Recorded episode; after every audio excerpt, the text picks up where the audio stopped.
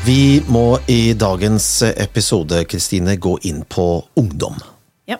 Og hvordan det var å være ungdom da vi vokste opp, og hvordan det er å være ungdom nå.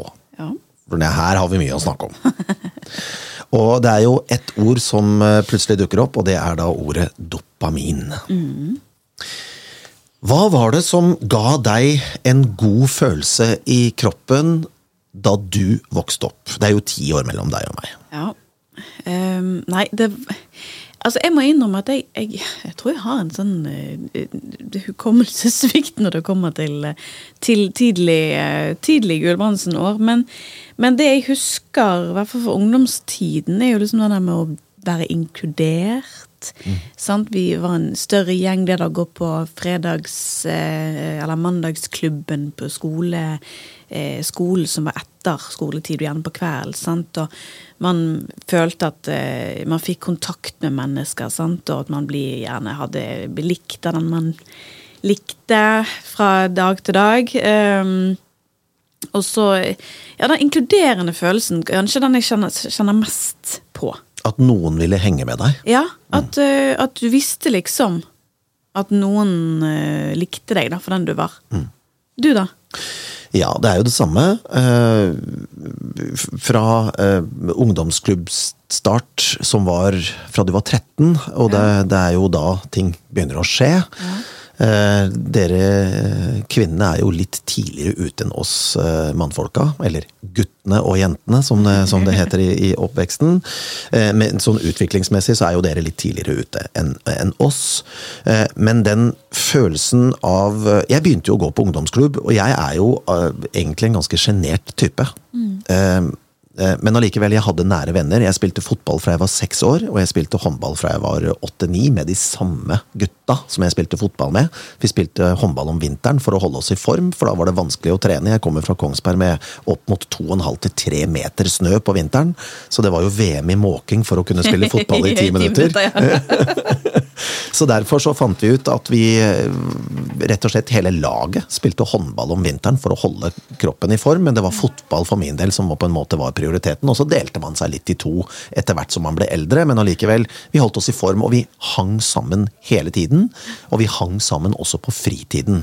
Og jeg hadde jo noen gode, nære venner som hele tiden ringte på døra og spurte om jeg ville være med ut, eller ringte meg på telefonen etter skolen og spurte om vi skulle finne på noe. Og da hadde vi en eh, fast møteplass. Og den følelsen når telefonen ringte Fantastisk god. Peter, det er telefon til deg. Bare yes! Yes, ja. Eh, og jeg visste jo som oftest hvem det var, ja, men ja, allikevel men allikevel det var noen som ringte til deg, da. Ja, det var det. Og, og, og det var jo min eh, dopamin eh, tilførsel, da. Ja. Eh, føle at jeg hadde gode venner Ja. eh, som hele tiden tok kontakt. Eller jeg ringte jo, jeg også, selvfølgelig. Eh, og for, for, forhåpentligvis så var det på en måte den samme reaksjonen på andre siden. At kompisen bare Yes, nå ringte Petter. Nå, Ja. nå skal vi finne på noe. skal, ja, nå skal vi ut. Og så er det da ifra du har lagt på telefonen, du gjør deg klar, du kler på deg, og til du treffes, og så er det den gleden av å treffes. Spørsmålet er om det var bedre før kontra nå, hvor eh, sikkert 99% av det du på en måte eh, vi kalte venner i vår oppvekst, de er på nett.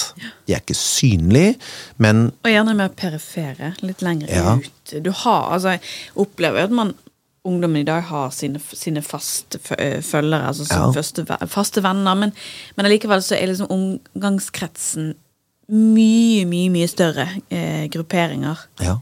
Eh, og gjennom via, via, via, via, også til på en måte grupper som man snakker med på nett. Ja, for her kommer vi inn på et ganske eh, spennende tema. Eh, for ungdommen i dag er jo på nett 24-7, men ikke i skoletiden. For da er det forbudt med mobiltelefon. For nå er det jo mer og mer vanlig med mobilhotell. Ja. Når du kommer inn til første time, så låser læreren inn alle mobiltelefonene på et eh, hus som henger på veggen. Det vil si at du er uten mobiltelefon hele dagen. Og hva skjer da? Da er det nok lett for at enkelte føler seg veldig, veldig utenfor. Ja, jeg, og det er jo veldig trist hvis det er tilfellet. Jeg tenker jo det der må jo være Sikkert Jeg håper jo at noen tenker at eh, Yes, nå ble jeg tvunget til å ikke ha det, den, den mobilen for meg, så jeg er nødt til å på en måte forholde meg fysisk til disse menneskene jeg har rundt meg. Jeg håper at noen tenker litt sånn, men jeg mistenker jo at ikke det er det. At folk sitter og bare tripper og venter på at de skal endelig få telefonen sin tilbake i løpet av slutten av dagen. Det er det jeg mistenker. Mm. At det er det de sitter og tripper på. De, tripp, de, tenker egentlig ikke på at nå må jeg være sosial med andre, fordi jeg har ikke mobilen. Må, nå er det bare tre timer igjen til jeg kan ha mobilen. Mm. Og dopamin eh, ifølge forskning kan sammenlignes med narkotika. Ja. Det er ekstremt vanedannende. Ja. Og der kommer vi tilbake igjen på et tema som du og jeg snakket om ganske tidlig da vi begynte å lage denne podkastserien. Og det var med eh, barnet som eh, er i din mage. Hvordan vil du at det barnet skal vokse opp? Hvor lang tid tar det før det barnet klarer å sveipe på iPaden eller mobilen? Ikke sant? Og det er jo et valg vi foreldre må ta. Men det er nok eh, Samfunnet er nok så sterkt nå at vi på en måte må på et eller annet tidspunkt akseptere at sånn er det bare. Ja da, og, og det er helt fint. Det som er, eh, det som er forskjell, er jo hvorvidt man lar seg styre av dette. Mm. Altså dette med at, at, eh, at likes og, og, hvor mange grupper man er med i, og altså hele den sosiale mediebølgen Altså hvor mye den styrer selvfølelsen din og selvtilliten din for at du faktisk føler at du er verdt noen ting, da. Ja. Eh, men så er det jo også det, det kommer jo noe med altså, Dopaminavhengighet og dopaminfasting er jo ting som på en måte dukker opp nå. Ja. Eh, gjerne kanskje mer for voksne enn for ungdom, for jeg tror at voksne kjenner mer på hvor avhengig man blir på det. Jeg tror ikke ungdommene tenker så mye over det. Det er bare på en måte blitt en, en som din datter har sagt, det er en del av meg. Ja.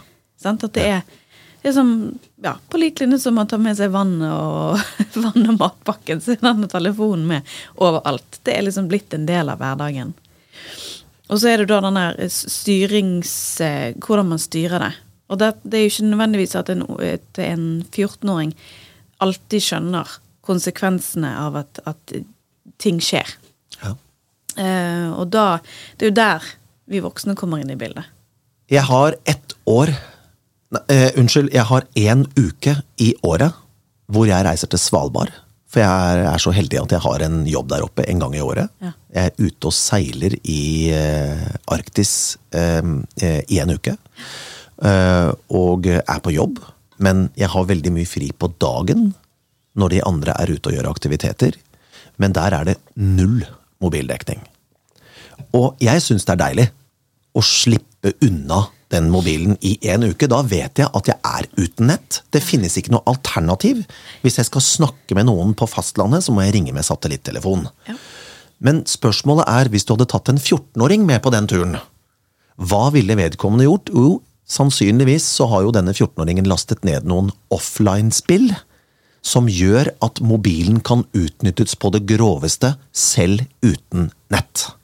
Ja, Eh, igjen så er det naiv, eh, min, min naive tankegang. Jeg håper jo og, og, tror at kanskje det hadde gått noen dager, men at de mange av de hadde satt pris på det. For det er noe med det når du blir tvunget inn i en greie. Sånn at det er ikke dekning her. Mm. Ok, nei, men Da er ikke det vits å gå og sjekke sosiale medier. For det er jo de der, det, det, er det man går inn på. Sant? Det er Instagram, og det er Snapchat, og det er Facebook, eh, og det er TikTok. Men når du ikke, og det er jo ikke ting du kan laste ned offline? Nei, nå er det jo slik at uh, jeg har en niåring, og jeg har en snart seksåring. Og uh, TikTok har jo en aldersgrense. Da har de funnet opp Zoomerang. Som da er eh, Nå skal du lære deg å bli en god TikTok når du blir eldre. Ja. Så der har man kommet seg unna med aldersgrense. Slik at i den alderen hvor du ikke kan være på TikTok og lage disse selfiene dine og danse rundt og herje på, så kan du bruke Zoomerang, og så kan du lagre det lokalt på, eh, på telefonen din, og så kan du dele med de du vil. Så man driver jo med grunnopplæring fra de er før de fyller ti år. Ja for å gjøre de avhengig. Og jeg, jeg, må jo være Det er mulig jeg er gammeldags, men det er jo derfor vi lager denne podkasten også. Men dette her er jo eh, Dette her er til å sammenligne med narkotika. Det dreier seg om dopamintrykk. Og hvis man i tillegg da kan selge en mobiltelefon til mellom 10 og 20 000 kroner, fordi vi har bedre økonomi nå enn vi hadde da du og jeg vokste opp. Det er helt naturlig, og vi har jo snakket om det tidligere også, at eh, ungdommen nå til dags er fryktelig utakknemlig. Det er ikke sånn 'Å, herregud, har du kjøpt en gaming-PC til meg?' 'Å ja, tusen takk, han skulle vært litt større'. Det er egentlig det som er greia. Ja, Det er greit nok, det er en god start, men den skjermen, den var feil. Du må, ha en, må jo ha en annen skjerm. Det er, liksom, det er utakknemlig, ja. Og det er jo fordi at vi Det oppleves i hvert fall sånn. Det er ikke sikkert Ja. at det er det, men, men det er gjerne også noe med uttrykksformen vår i disse dager. Sant? Ja. Man eh, setter ord på ting man føler og kjenner på. Det skjer jo ikke på samme måten som før. I hvert fall sånn som jeg opplever det. Min bestemor sa jo til meg eh, Petter, du skal vite én ting. Det er helt gratis å si hei. Det er helt gratis å si god natt. Ja. Og det er helt gratis å gi en klem. Og likevel er folk så redd for dette. Ja. Hva tenker jeg? Takk for maten er også helt gratis. Ja.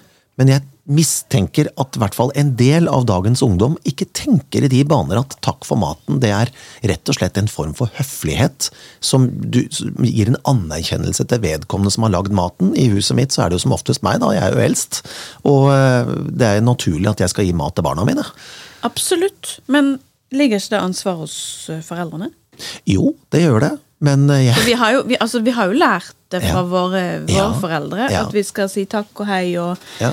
eh, være stort, være, behandle folk med respekt. Um, så når da dagens ungdom ikke sier takk, da Hvor ligger problemet da? ja, men, ja, du har et godt poeng. Eh, Jeg føler nå i hvert fall at jeg har gjort det jeg kan ja, ja, men det er noe med at de lærer seg Ja. De lærer seg det fra, fra foreldrene, hvordan man responderer på ting i samfunnet, og hvordan man snakker til folk og, Mm. eh, i det hele tatt. Og det plukker jo de opp. De plukker opp alt annet. Ja, hvordan ville du eh, opplevd det hvis eh, du hadde ringt til meg og jeg hadde sagt 'hva er det du vil'? Det var det første du sa? Ja. Og da sa jeg hei. Det heter hei. ja. Men det er jo også jeg, jeg, Det tar jo meg sjøl i å gjøre. Altså liksom Hva er det du vil? Nei, kanskje ikke akkurat det, men jeg kan si Hvis det, for en bror ringer til meg, broren min, så kan jeg si ja. Istedenfor Jeg sier ikke, ikke alltid hei. Ja. Eh, men jeg tar jo igjen da når jeg får det samme. Sant? Altså, ja, eh, ja, hei heter det. Ja, ja, ja, ja, ja, ja, ja, ja, ja, jeg har litt dårlig tid, men ja, ja, ok. Så det er liksom det, man, er så, man har ikke tid lenger, da. Hva er det du vil? Den hører jeg titt og ofte. Hva er det du vil? Uh, hei. Uh, jeg vil egentlig bare si hei. Hei. Går det bra? Ja. Ja. Har du, var det ålreit på skolen i dag? Nei. Lærte du noe nytt? Vet ikke. ja, men du går jo på skolen for å lære. Å ja. ja. Jo, men sånn, man kommuniserer ikke sånn lenger. Det er det som er greiene. Kommunikasjon, det har vi vært innom før, men vi kommer sikkert til å komme innom det hundre ganger til. Ja. Men denne kommunikasjonsflyten, eh, hvordan kommunisere, er jo helt annerledes nå. Hvorfor ringer du meg nå? Kan ikke du bare sende en melding isteden? ja. Jo, men det er veldig mange som som ikke liker å snakke i telefonen. Ja. De, det er mye enklere å forholde seg til, til disse meldingene, for det går kort og konsist. Og så på en måte, men så plutselig så kommer det med avhandlinger av meldinger. Men er det en fare for at samfunnet kan ende opp med at den blir skriftlig? Digitalt? Nei, det tror jeg ikke. Nei, jeg, altså, jeg håper jo ikke det. Nei, men du ser dagens ungdom, de vil heller skrive. Altså, egentlig kunne du bare tatt ut den mikrofonen og den høyttaleren. Høyttaleren tar du ikke ut for de skal høre på musikk eller game, men eh, mikrofonen kunne du bare fjernet fra mobiltelefonen. De vil ikke snakke i telefonen. Det kan du ikke, for da får ikke du tatt opp alle disse filmene og TikTok-videoene de skal ta. Nei. Nei du, har, du har et poeng, men den skal i hvert fall ikke brukes til å snakke i med andre. I hvert fall ikke foreldrene. Det er klart Jeg har en 14-åring som er midt i utviklingen, og det er helt greit. Vi har jo vært der sjøl, begge to. Ja, ja. Men allikevel så syns jeg det er så rart at ikke 14-åringen min vil snakke med meg så ofte. Av og Men- til så ringer han og så sier han hei. Og så sier å, hei? Uh, ja, jeg ville bare si hei, jeg. Og da blir jeg så glad. Ja? Men det er veldig sjelden, men allikevel, Jo, jo, jo. når han gjør det, så gir det meg dopamin. Men dette, altså, du husker, var det aldri et tidspunkt i dine tenåringer at du på en måte Vi har jo denne perioden hvor foreldre er skikkelig tullidioter. Altså alt de sier og gjør. Ja. Mamma, Åh, pappa Altså, Ja. Det er jo litt det, Men jeg tror det bare responsen er litt annerledes i dag, istedenfor at da, da får du en gang iblant den telefonen som du setter så pris på. Men stort sett ellers er det liksom ja, nei, vet ikke. Men jeg bare lurer på hva som foregår oppi hodet på 14-åringen, da. Har han tenkt seg om, om at nå må jeg ringe pappa? Eller er det bare det at han føler at han må ringe pappa? Men han ville plutselig bare si hei, og det vil han. Han vil det sånn av og til, men som oftest så er det 'hva er det du vil', for det er jo jeg som ringer han. Det er det ingen tvil om. Og forstyrrer du han midt i gaming, vet du. Ja, og det er nettopp det.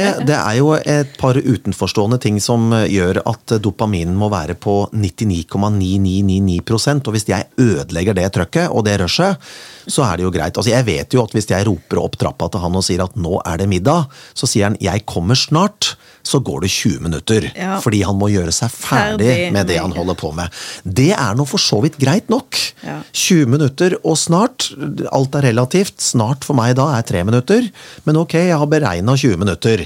Så jeg vet jo at jeg ikke trenger å sette den pommes fritesen inn i airfryeren før om fem minutter når jeg har sagt nå er det mat. Ja. Da er den ferdig akkurat når han kommer ned. Så slipper han å få kald mat, i hvert fall. Men jeg har jo i hvert fall prøvd å si til han at hvis ikke du kommer nå, så blir maten kald. Bryr seg ikke. Nei, så, Spiser den kald. ja. Men det, jo, altså det kan jeg huske at vi gjorde sjøl. Altså vi kom Ja. alltid Det var et eller annet, alltid et eller annet vi holdt på å styre med på rommet. Ja, og det var sannsynligvis at vi trykte record da på, det, på kassettspilleren for å ta opp en låt på radioen. Ja. Vi kunne jo ikke forlate den, vi skulle jo ikke ha med alt greiene etterpå. Vi skulle stoppe når låta var ferdig. Ja. Eller skulle trykke record på en eller annen TV-serie som man skulle ta opp. Ja. Men, men det som, altså det er jo det er liksom motstridende eh, ting ute og går også nå. For ene, noen sier at, at ungdom er mindre lykkelige nå. Ja. Og at alle disse her sosiale medier og alt det går på, på, går på bekostning av livskvaliteten. Men andre påstår at ungdom i dag er mye mer forseggjort enn det vi var når vi var 14 år. Eh, hva tenker du om det? Har du noe inntrykk?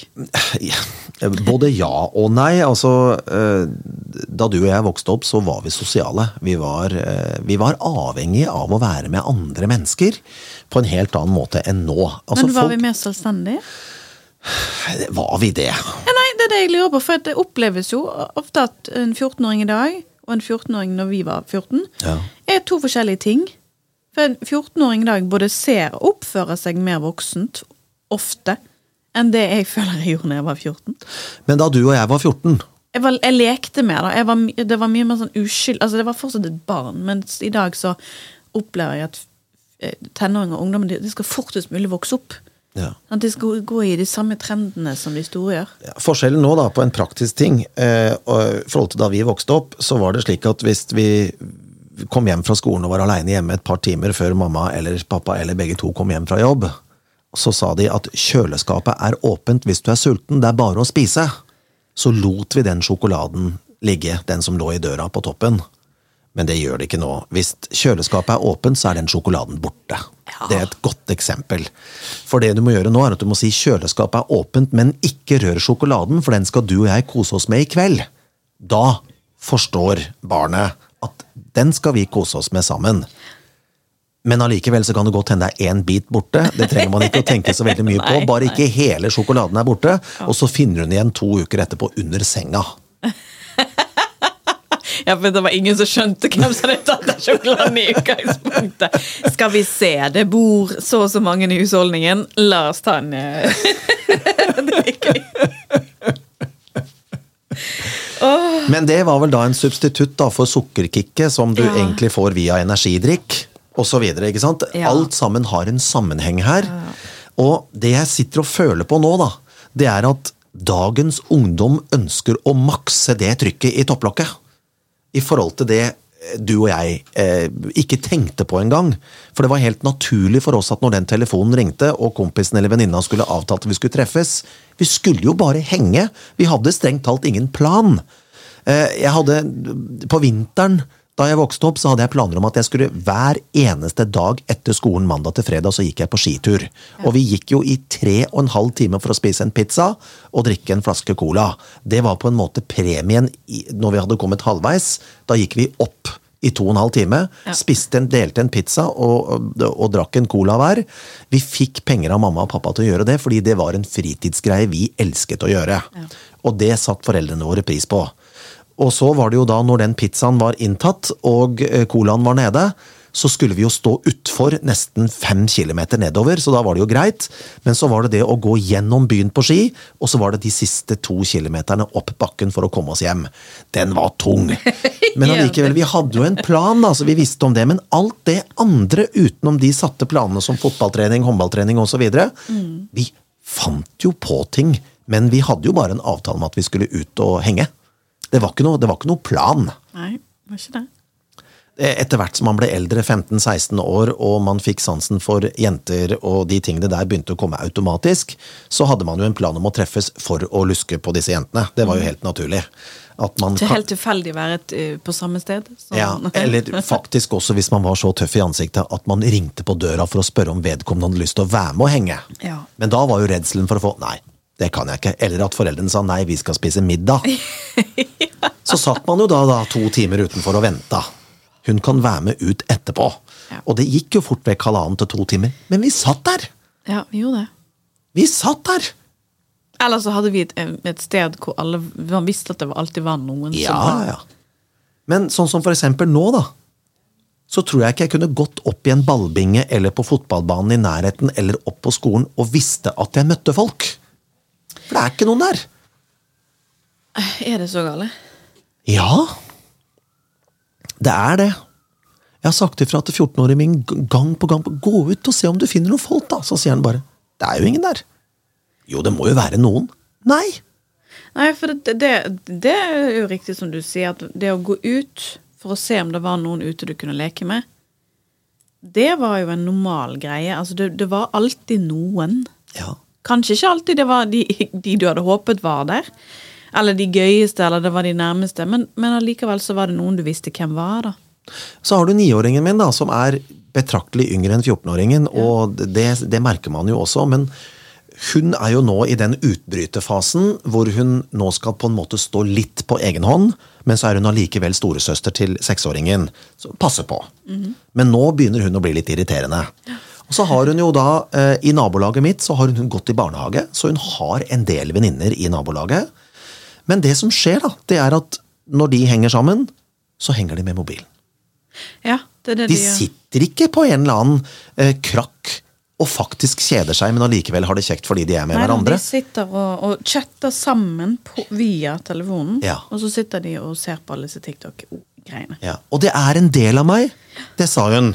Mobilen er en del av meg. Men du trenger ikke å ha mobilen på butikken. Vi skal jo inn og handle mat og snop til lørdag, og vi skal være med å bestemme middag sammen. og vi skal, jeg, skal dere, jeg vil gjerne vite hva dere vil ha på skiva på skolen i morgen. Nei, det er en del av meg. Ja, Men hva trenger du den? Eh, nei. Nei, Ja, hvorfor tar du den med, da? Det er en del av meg. jo, men det er Altså, vi er jo sånn, vi òg. Nei, jeg er ikke sånn. Tar du ikke telefonen med deg overalt? Grunnen til at jeg tar med telefonen i butikken, er fordi at jeg betaler med mobilpay. Det er den eneste grunnen, og så kan det hende jeg har lyst til å utløse en eller annen eh, bong som kan gi meg 30 rabatt men- på smør. ja, men er Men det er av praktiske årsaker. Jo, jo. Hun har ingen grunn til å ha med seg mobil. Skal hun ta bilde av ostepakka og sende til venninna si, da, eller? Ja, kanskje det. kanskje det. Morgendagens lunsj på skolen. Bing! Det kan godt være. Det er jo såpass kjedelige snap-out som vi driver og sender. Ja. Eh, Men eh, nei, men altså, de, de plukker jo opp, da. Ja da, Sant? de gjør det. det. det vi, altså, vi har jo med oss den her telefonen. Jeg holder den i hånden. Jeg tenker, jeg glemmer at folk ikke ser hva jeg holder på med. Men, ehm, den er mer konstant. Ja. Men det er jo litt av, den er blitt en del av uh, hverdagskommunikasjonen vår, på godt og vondt. Men hva er hovedgrunnen til at du bruker mobiltelefon, Kristine? Som voksen dame. Ja. Du er veletablert, du har barn på vei, du er en gift kvinne, så mannfolk de kan vi bare se bort ifra. ja. Det, det, det er vi ferdig med. Der, der er du settled. Den er grei. Men hva er årsaken? Vil du være oppdatert til enhver tid på hva som skjer i samfunnet? Vil du vite hva dine venner gjør til enhver tid fordi de er litt flinke til å dele ting? Er det det? Jeg jeg har stilt meg det spørsmålet ganske mange ganger. Ja. Eh, men det er bare det at Jeg tror egentlig, jeg har egentlig ikke noe behov for å holde meg oppdatert til enhver tid. For det, det holder med å gå inn og lese nettavisene gjerne én gang om dagen. Ja. Det er ikke sånn at det kommer grensesprengende ny informasjon i løpet av dagen. Som oftest er det jo bare agurknyheter som i så fall blir eddet til. Ja. Eh, eller du har lyst til å se nyhetene, så blir det jo hovedsakene plukket opp, for du blir jo deprimert av mindre av å åpne de nyhetssidene om dagen. Eh, ellers er det jo sosiale medier og sånt, men det er jo ikke ting jeg trenger. Men det er blitt en avhengighet. Jeg føler at ok, jeg, har, jeg går glipp av ting. Hvis jeg ikke Altså, the fear of missing out er jo høyt eksisterende i mitt hode. Ja. Um, og dette med å, å, å holde, altså bli oppdatert, hva holder venner på Altså, vi oppdaterer. Vi, vi treffes jo med jevne mellomrom, og da blir jo de viktigste tingene oppdatert. Jeg har jo egentlig verken behov for å opplyse folk hva jeg holder på med til enhver tid, eller å, bli- av å bli opplyst. Jeg tenker at alt trengs ikke å deles. Det er jo min og din hverdag som på en måte skal den, Jeg må jo finne balansen på ting. Så egentlig så trenger jeg den ikke, men det er den blitt en del av meg. Sier som en datter. Men, men, men, men, Sant? Du, ja. altså Mobilbank, det er, det er parkeringsapper, det er eh, eh, ja, alt, alt vi bruker telefonen til av praktiske gjøremål i hverdagen som gjør at vi er blitt avhengig av telefonen. Vi er kanskje ikke så avhengig av TikTok-videoer. Altså, vi kan jo sitte og prate sammen. Ja. Eh, og kunne stått sånn i flere timer uten å tenke på at telefonen skulle bli en del av det. men hvor full er kalenderen din på mobilen i forhold til almanakken? Eh, de er ganske like, for jeg, Det er gammeldags. For Ja. jeg skriver det opp i, eh, i min almanakk i samme slengen. Ja. Åh, der følte jeg meg gammel. Um, Men jeg tror ikke det er så dumt å beholde almanakken, til tross for at man har det på kalenderen på nei, men jeg, jeg føler bare at jeg har med oversikt. Det er det som er greien. Så jeg sitter jo her og for hånd og skriver ned stikkord til på, måte på ting vi snakker om og skal snakke om. og sånt. òg. Ja, ja. liker det. Oversiktlig, greit. Og liker å stryke ut når ting er gjort. Ja, ja men, det er jo, men det er jo det, det er jo det, Det er dopamin for min del, da. sant? Ja. Altså, ja. Men det er jo deilig å sette den streken over ting som er gjort. Å, det er helt nydelig. Ta husvask og Ah, fiks hjemme og hagearbeid og alt mulig sånne ting. Det er deilig å sette den streken. Ja. Istedenfor at det ding, ding, husk å klippe gresset. Ok, klipp gresset, ferdig. Ja. Ingen følelse. Nei. Men den streken, det er følelsen. Ja. Det er godfølelsen. Ja. Men telefonen for deg, da? Nei, telefon for meg er eh, Jeg vil gjerne si at det er kun av praktiske årsaker, men alle andre er jo på telefonen. Det er der det skjer. Nå er jo jeg, eh, både du og jeg er jo tvunget til å møte folk, fordi vi underholder folk live.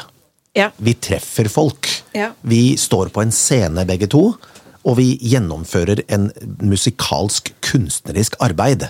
Så den Det er jo litt vanskelig å sammenligne oss med eh, ikke det at vi er udødelige og uvanlige, Neida. men vi gjør jo noe ikke så veldig mange andre gjør. Ja da, det er ikke en A4-greie. Men, men det kommer jo også da at vi blir avhengig av, kunne, avhengig av sosiale medier og sånt. Ja. Men den følelsen du har når du har gjennomført en konsert, og de står Det er dopaminkick. Ja. Ja. Det, Wow! Dæven, hun Kristine Gulbrandsen, hun er jaggu flink til å synge. Når de sier det, og de har stående applaus Hvis du gjør et teaterstykke, du har hatt hovedrollen, og det er stående applaus i salen, det er dopamintrykket! ja, det Jeg har vært DJ i 30 år, konferansier, toastmaster. Den derre higen etter at folk liker det du gjør, Absolutt. det er dopaminkicket mitt. Jeg, jeg kunne gitt meg for lenge siden som DJ, men jeg klarer ikke. Nei. Men det er, Jeg liker jo- jobben. Ja, nettopp. Det, det ligger jo litt Ja, der også. Det men det er det kicket også. Tenk deg den dagen jeg slutter som DJ, for det kommer til å skje, og det kan godt hende det bare er noen få år til, at jeg gir meg med det. Jeg kommer til å savne det trykket. ja. Tusen takk, tusen takk for at du reddet bryllupet vårt med fantastisk underholdning, eksempel. Ja. Det er jo en god følelse. Jeg har jo slutta å spille på nattklubb, men jeg har beholdt et par stykker. Jeg kunne vært Men- faren til gjestene. Derfor har jeg gitt meg. Jeg følger med i tiden, og alt er på stell, men jeg har beholdt et par som jeg syns selv er veldig gøy å gjøre. Reise bort, kanskje får en natt på hotell, kan ta meg en tur i bassenget og få litt sånn litt egen, eh, egenkos, for å si det sånn. Eh, Men den, den følelsen når du har gjort jobben din, og folk bare Wow! Den er jeg avhengig av! Men er det noe forskjell av den type likes og likesene som, som ungdommen vokser opp med i dag, som er via sosiale medier? Nei, det er ingen forskjell på det, for de vet ikke bedre. Ja, men når du sier de vet ikke bedre, da ligger du litt at, i det at du føler at det er en, en sunnere måte å få likes på. Ja, altså eh, I, jeg, i, di- i, di- din måte å få det på, enn enn en 14-åring, for eksempel. Som, Ja da, det er helt greit, det, men det jeg er litt redd for, da, med tanke på at du og jeg står på en scene og møter fysiske mennesker, vi ser de inn i øynene når vi skal levere en kunstnerisk eh, sak for de. Ja. De, har kom, de har betalt penger for å komme og se på oss. De har betalt penger for å opp, få en opplevelse. ja. Og, og det er helt fint. Eh, Det er bra for alle. De har troa på at du kan gi dem en opplevelse som de ikke kommer til å glemme. Eh, Men jeg, jeg, bare, jeg bare tenker på fremtiden, da. Hvis den heter likes Nå begynner jo likes å bli ut òg. For et par år siden så slutta jo Instagram med at eh, hvis Selena Gomez la ut en eh, eh, bilde hvor den, nesten den ene brystvorten var synlig, så kom det 2,6 millioner likes. Nå står det bare noen av vennene dine og andre liker dette innlegget. Og det er jo fordi at forskjellsbehandlingen fra han eller hun som fikk 13 likes, og Selena Gomez 2,6 millioner, det skal ikke være Men greit. Selena Gomez kan jo se Ja. hvor mange som har like, liker det. Men Hun du kan kan, det. ikke det. Nei. Nei. Det er nettopp det. Så hvis du legger ut eh, en, en sak på ting du gjorde i helgen, og jeg la ut en sak ved siden av, og du hadde 600 som likte det, Ja. mens jeg hadde 12, Ja. så skal, det ikke, så skal ikke andre se at Nei, du hadde det- 600 versus mine 12. Nei, men det, det syns jeg er fint. Altså, jeg har ikke tenkt på det, for jeg ser jo likesene. At, eh, og jeg kjenner at jeg var nok mer opptatt av det før enn jeg Ja. er nå. Ja. Uh, for jeg syns ikke det gir meg noe, for det er sånn overfladiskhet, syns Ja. jeg. Uh, og det er så lett Jeg merker jo sjøl hvor lett det er å på en måte bare like, sant? uten at jeg egentlig tenker over hva er det jeg Ja. Hva var det jeg liket? Ja, ja, ja, ja. Ja, det er ikke lett det her, altså. Jeg syns det jeg vet, altså, Dopamin er vi jo avhengig av alle, sammen. Ja, men jeg ser jo, jeg ser jo den likes-greia også. Fordi hvis man eksempel er litt sjenert uh, Man føler at man på en måte føler seg litt utenfor. Ja. Eh, fordi man ikke helt tør å ta initiativ. Og jeg er det ifra eh, oppveksten. Det er en grunn til at jeg havna bak, bak en DJ-boks og bak en mikrofon på radio. Det var fordi at jeg visste at ingen ville se meg. I DJ-boksen var det helt mørkt. Og hvis jeg kunne se at folk elsket det jeg gjorde, uten at de visste at det var meg engang, det holder for meg. Radio, før internettens verden, så var det jo ingen som visste hvordan jeg så ut. Da måtte du skape bilder sjøl. Ja. Eh, og da kunne jeg gjerne være han høye, mørke, kraftige mannen med masse skjegg i 60-åra. Det spilte ingen rolle for meg om jeg, selv om jeg var 18. Det gjorde ingenting. Og det var på en måte min dopamingreie. Og da var du målt i lyttertall, og du var målt i hvordan responsen fra publikum var når du gjorde noe live. Men casen er at det er jo på en måte likes. ja. Mens nå skal du se hvem som liker deg. Og så er det jo litt kjipt da, hvis du har 25 likes, og 23 av de er folk du egentlig ikke kjenner. ja. Jeg, vet, jeg, jeg vet ikke. Dette her er vanskelig.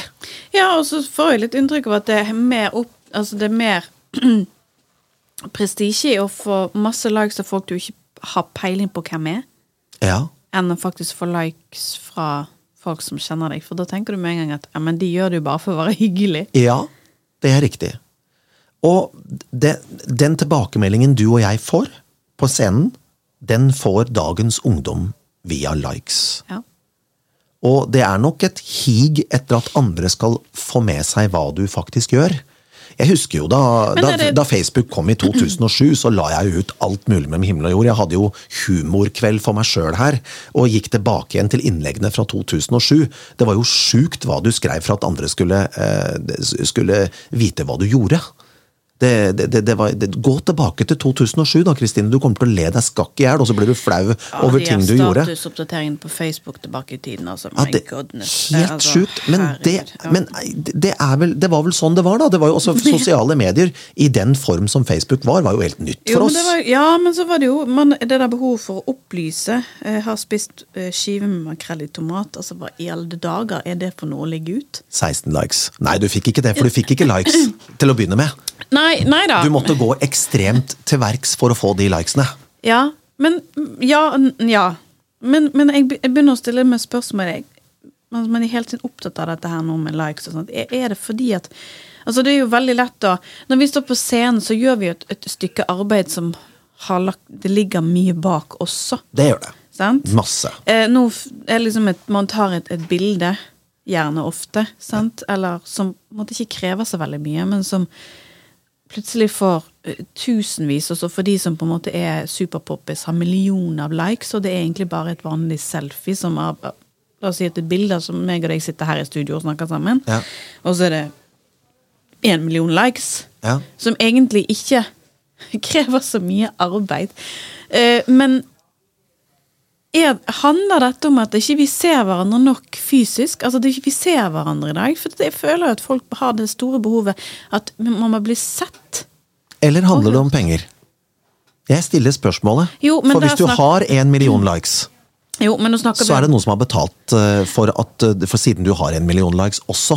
Absolutt. Det ligger en eh, businessdel bak det, og hvis du er 14 år gammel og eh, du får positive tilbakemeldinger i form av likes, eller at folk spør deg masse spørsmål fordi du er flink i noe digitalt, så skjønner du ganske fort at her kan jeg tjene penger når jeg blir større. Jo, det gjør du nok no, Ja da, det gjør du. Og, og som regel Altså, Når det ligger penger i det, så er det jo gjerne Da ligger, det en mye mer bak det. Men den vanlige mannen i gaten, da, Ja. som har, og ungdom som har behovet for å gjøre alle disse TikTok-greiene og legge det ut og sånn, så blir de ikke sett. Er det, hvorfor har man det behovet for å synliggjøre alt man gjør, Ja. til enhver eneste tid? Hvor kommer den trangen fra? Ja, det er et godt spørsmål. Hvorfor, hvorfor vil man dele absolutt alle aspekter av livet sitt? Ja. Og nå snakker jeg vanlig mann i gaten. Jeg snakker ikke om eh, influensere som på en måte har gjort det til en business. Men, men de begynte jo et sted, de òg. De begynte et sted, det gjorde de absolutt, og så har de på en måte truffet en nerve som gjør at de får følgere. som, Så kan man jo gjerne kritisere alle disse influensere, men de har nå en hel del følgere som, som man skal på en måte være litt forsiktig med å si at det her er jo ingen jobb. Jo, det er faktisk litt en jobb, og de bruker mye tid på det. Det er Så man skal ikke, ja. man skal ikke disse det fordi at man syns det er overfladisk. Men, men jeg bare, sånn hele, totale helheten i samfunnet er at man har blitt mer overfladisk. Sant? Det er liksom ikke noe innhold i mye av det vi holder på med. Når ser vi influenseren Kristine? Eh, Hva skal, jeg, hva skal jeg komme med, da? Altså. Velkommen skal du se hverdagen min. Den er ikke så spennende. Egentlig.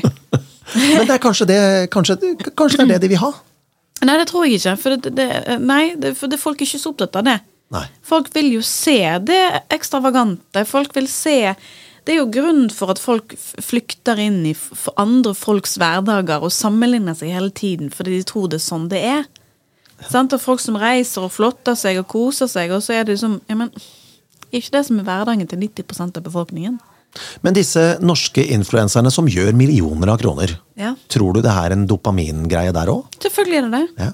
Samtidig som det er penger, så Ja, da, får du egentlig, da får du egentlig the best of both worlds. Ja, men selvfølgelig. Du vil ha de 106 Men penger er jo også dopamin. Ja. Hvis du vet at det kommer masse penger inn på konto, og du slipper å tenke og, og være bekymret for økonomien din. Ja. Klart at det er en dopamin. Ja. Er det fremtiden? Influensere. Ja. Det er nå kommet for å bli, det tror jeg nok, så lenge vi på en måte kommer inn. Men jeg er jo Samtidig så jeg opplever jeg at det er en sånn En eh, sånn eh, Hva heter det? Ikke, ikke en, en motgang, det er det ikke, men en motstridende følelse. En kamp, kamp mellom om å slippe unna det her eh, sosiale medier, synlighetsgreiene som vi holder på med, og samtidig så har man behov for å være synlig. Det er liksom en evig kamp med hva egentlig folk vil. Eh, jeg føler jo at jeg kunne helt fint klart meg uten sosiale medier, men da kunne jeg også parkert jobben jeg holder på med. Ja, artistkarrieren er jo veldig avhengig av synlighet nå i forhold til det han var, fordi du er musiker, og eh, når du, da du ga ut en låt eh, eh, i begynnelsen av din karriere, så var det enten så liker de den, Ja. eller så liker de den ikke. Absolutt. Nå så må du være synlig for i det hele tatt folk skal vite at den faktisk kan likes eller ikke likes. Ja. Så da når du slipper musikk, så er det, nødt, så er det helt mange andre parametere som må spille inn før du på en måte gir, slipper disse tingene, sånn at du er sikker på at folk faktisk får det med seg. Ja. I alt det mulderet som finnes av ting hele tiden. Sånn at man får jo inntrykk, inntrykk slengt etter seg hele tiden. Inntrykk, det er nye, inntrykk, nye inntrykk og impulser som går over en lav sko. Hele veien. Og det, man klarer ikke å konsentrere seg, man klarer ikke å ta ting til seg. Så, men og, personlig kunne jeg helt fint klart meg, men jeg tror faktisk jeg hadde hatt et mye bedre liv uten òg. Men jeg er avhengig av å være der, fordi at jeg må være synlig. Var det bedre før at man slapp å være så synlig? Jeg vet ikke. Jeg vet ikke, fordi at man er blitt så mye mer avhengig av Ikke avhengig, folk liker å vite hva folk holder på med. Ja. Sant? Vi, det er jo også ta, Dra sammenligningen tilbake til Se og Hør, for eksempel, som fortsatt er et blad som selges mye, men kanskje ikke i større like grad, for nå er alt blitt, ligger det på nett. sant? Ja. Men det var jo, alle leste det, men ingen ville innrømme det. ja. Så vi har jo en enorm nysgjerrighet på hva alle andre holder på med. Og det er en form for virkelighetsflukt, kanskje. Det er samme som Melodi Grand Prix, det. Ja, ja, ja. Ingen eh, ville skulle ingen skulle se Grand Prix. Men de hadde serierekord på serierekord på serierekord. Liksom, ja, ja da. Du kan gjerne si det du sa, men, men allikevel så, så seertallet og, og det sier noe helt annet. Ser du på Melodi Grand Prix og Eurovision Song Contest den dag i dag? Ja, jeg gjør det. Ja. Jeg syns det er gøy. Ja.